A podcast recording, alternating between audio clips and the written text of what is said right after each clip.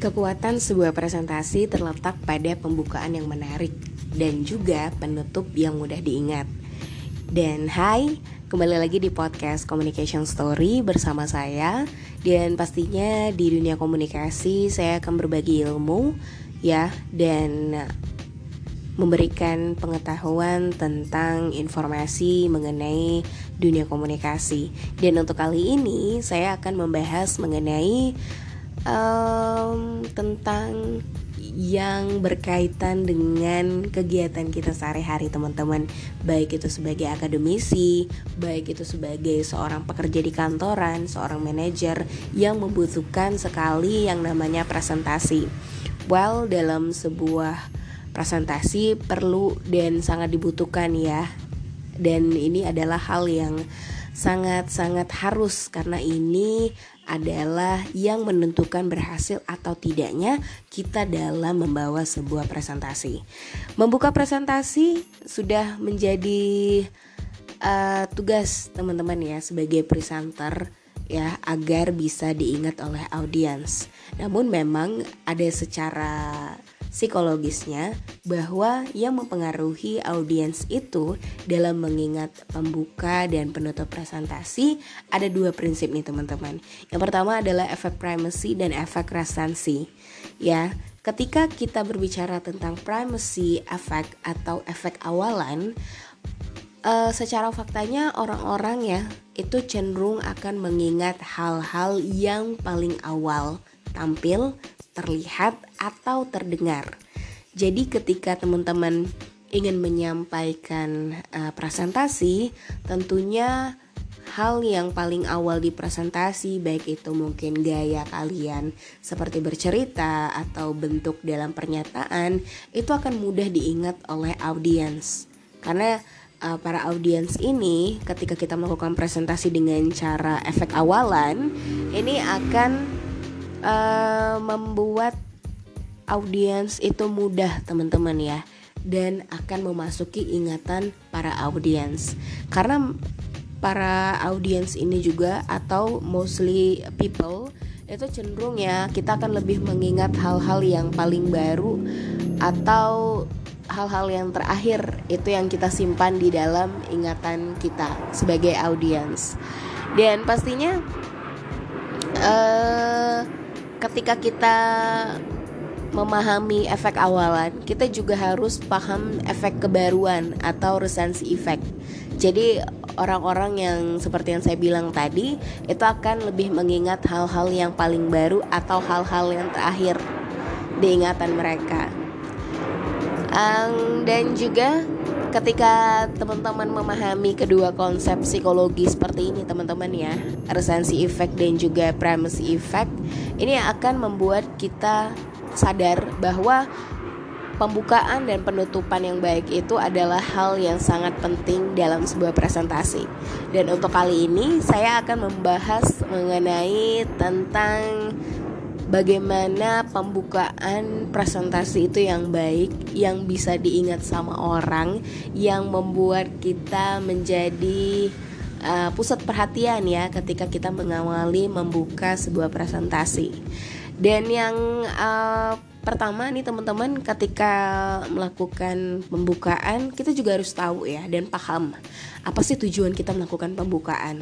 Karena pembukaan ini bertujuan agar kita bisa memberikan sebuah gambaran teman-teman ya tentang uh, topik atau tema yang kita bahas. Dan apa sih yang akan diharapkan uh, kita sebagai presenter dari presentasi yang akan kita bawakan.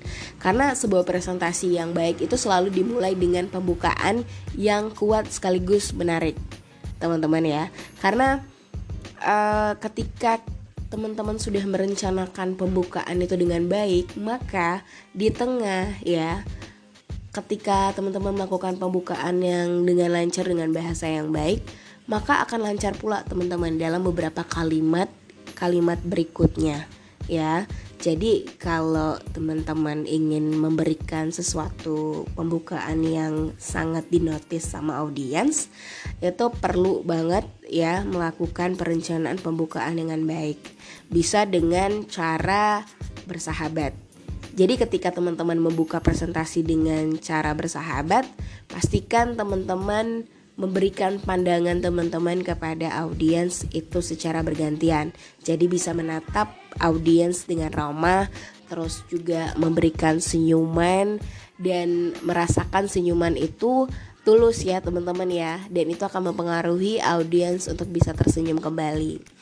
Nah, ketika teman-teman membuka presentasi dengan bersahabat, teman-teman juga harus tahu tujuan tujuan ketika uh, teman-teman melakukan pembukaan.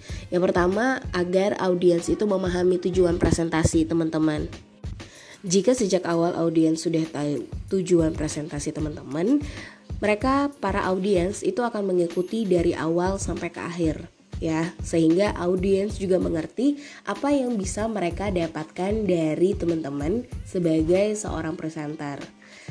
Kemudian ketika tujuan pembukaan uh, kita pahami ya, kita tahu apa sih tujuan dari presentasi, kita juga bisa mendapatkan gambaran teman-teman tentang apa yang akan disampaikan. Supaya audiens memahami pembukaan presentasi yang diberikan oleh teman-teman ya sebagai presenter sehingga pembukaan presentasi ini memberikan gambaran umum mengenai topik yang akan dibahas. Dan ketika teman-teman sudah uh, bertujuan untuk mendapatkan gambaran terhadap audiens, teman-teman juga bisa menciptakan motivasi dan rasa ingin tahu. Nah, apa yang terjadi jika audiens tidak termotivasi di awal? Tentu mereka akan melamun atau mungkin tertidur ketika uh, audiens mendengarkan teman-teman melakukan presentasi. Sehingga pembukaan di sini berfungsi sebagai uh, menciptakan motivasi ya dan hubungan awal yang baik antara teman-teman sebagai presenter kepada audiens. Dan menyusun kalimat pembukaan presentasi juga harus diawali dengan sesuatu yang baik ya teman-teman ya. Pembukaan yang singkat, padat, dan kuat itu akan memberikan kesan pertama kepada audiens.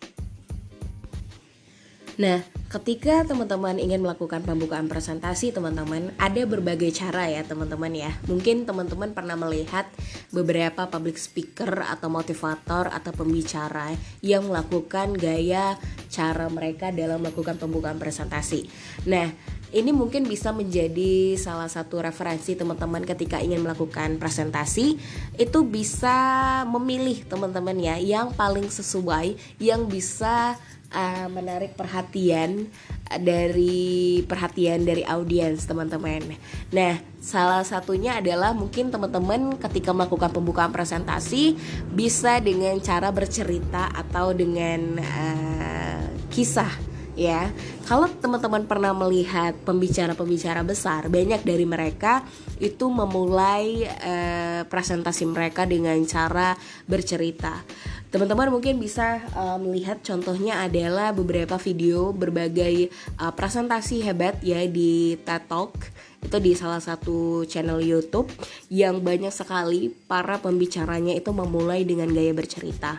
Dan uh, salah satu contohnya adalah pembukaan presentasi dengan gaya bercerita itu dibawakan oleh Zainab Salbi. Itu dia adalah salah satu pembicara di TED Talk dengan presentasinya yang berjudul Woman, Wartime, and the Dream of Peace. Sehingga di dalam uh, presentasinya ini Zainab memulai dengan kisah pribadinya teman-teman ketika mereka uh, berada di perkampungan di tempat tinggalnya yang dibom dan salah seorang tetangganya itu tewas akibat ledakan bom. Ini juga bisa menjadi sebuah salah satu contoh ya teman-teman ya ketika melakukan pembukaan presentasi. Kenapa harus bercerita? Karena ketika mungkin dengan bercerita itu kita mudah diingat teman-teman. Kita tuh kan semuanya tuh kan senang banget ya dengan mendengarkan cerita. Apalagi pada saat masih kecil ya kita dengar uh, kisah-kisah yang diceritakan oleh kakek nenek atau ayah ibu kita teman-teman. Yang saya rasa teman-teman masih mengingatnya sampai sekarang. That's why ketika membuka presentasi dengan sebuah cerita itu akan membuat audiens lebih serius teman-teman memperhatikan uh, presentasi ketika kalian melakukan pembukaan presentasi. Lain halnya juga selain dengan bercerita kalian bisa mengawalinya dengan gaya humor. Karena humor ini juga sangat baik ya ketika kalian membuka presentasi. Semua orang suka humor yang punya uh, sense of humor ya. Mungkin di antara teman-teman yang uh, ada sense of humornya wajar saja ketika teman-teman melakukan uh, pembukaan presentasi dengan humor. Supaya apa? Supaya bisa mencairkan suasana teman-teman ya. Dan ini uh, humor sangat baik ya karena tidak membuat kita menjadi kaku. Tapi ada catatan juga teman-teman ketika teman-teman melakukan humor uh, humor ini kan adalah orang-orang yang memang biasa ngelucu ya, suka banget dalam kesehariannya. Jadi kalau misalnya teman-teman yang seseorang yang introvert atau pendiam melakukan humor, saya sarankan jangan ya karena uh, kalaupun teman-teman ingin memaksakan pembukaan dengan cara humor itu akan terlihat awkward, kaku banget. Jadi uh, saya saranin untuk teman-teman bisa melakukan presentasi pembukaan awal ya kalau tidak bisa dengan humor bisa dengan bercerita.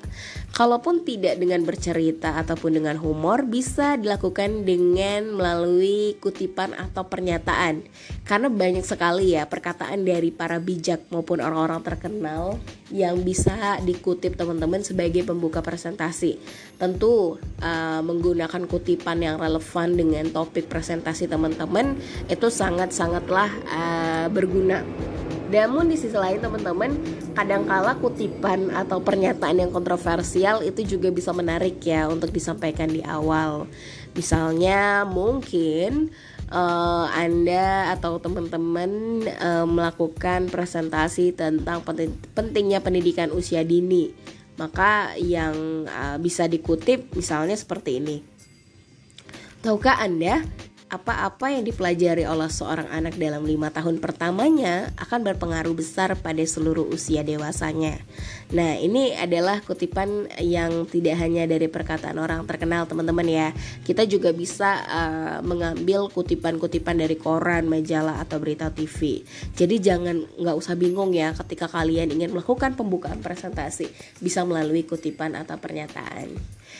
Dan kemudian berdasarkan data atau fakta pun juga bisa teman-teman ya digunakan sebagai syarat dalam uh, teman-teman membuka sebuah pembukaan presentasi. Karena data atau fakta ini bisa menjadi sajian informasi yang dramatis ya tanpa perlu didramatisir um, misalnya uh, banyak ya para presenter yang melakukan uh, pembukaan presentasi dengan berdasarkan data dan fakta. Misalnya presentasi tentang pentingnya peran keluarga dalam menjaga proses kehamilan seorang ibu. Dan faktanya adalah Menurut WHO, dari setiap seribu peristiwa kelahiran ada 10 orang ibu yang meninggal akibat kehamilannya yang tidak mendapatkan perhatian yang cukup baik. Sehingga dengan penggunaan fakta teman-teman ya bisa membuat audiens atau uh, halayak yang memperhatikan presentasi teman-teman yang belum pernah mendengar jadi memberikan perhatian teman-teman perhatian yang lebih serius terhadap topik bahasan dan juga cara ini sih memang uh, akan membuat audiens sadar ya bahwa materi yang akan kita sampaikan ini merupakan sesuatu hal yang important atau penting sehingga uh, audiens itu akan mempersiapkan mental mereka untuk mendengarkan presentasi teman-teman dengan real dengan sungguh-sungguh. Kemudian ada juga teman-teman pilihan ketika teman-teman ingin membuka presentasi adalah dengan memberikan pertanyaan.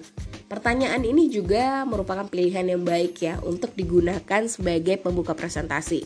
Dan secara alami pertanyaan ini akan membuat orang berpikir teman-teman dan berusaha untuk mencari jawabannya. Artinya, pertanyaan yang teman-teman buat akan membuat orang fokus terhadap topik pertanyaannya.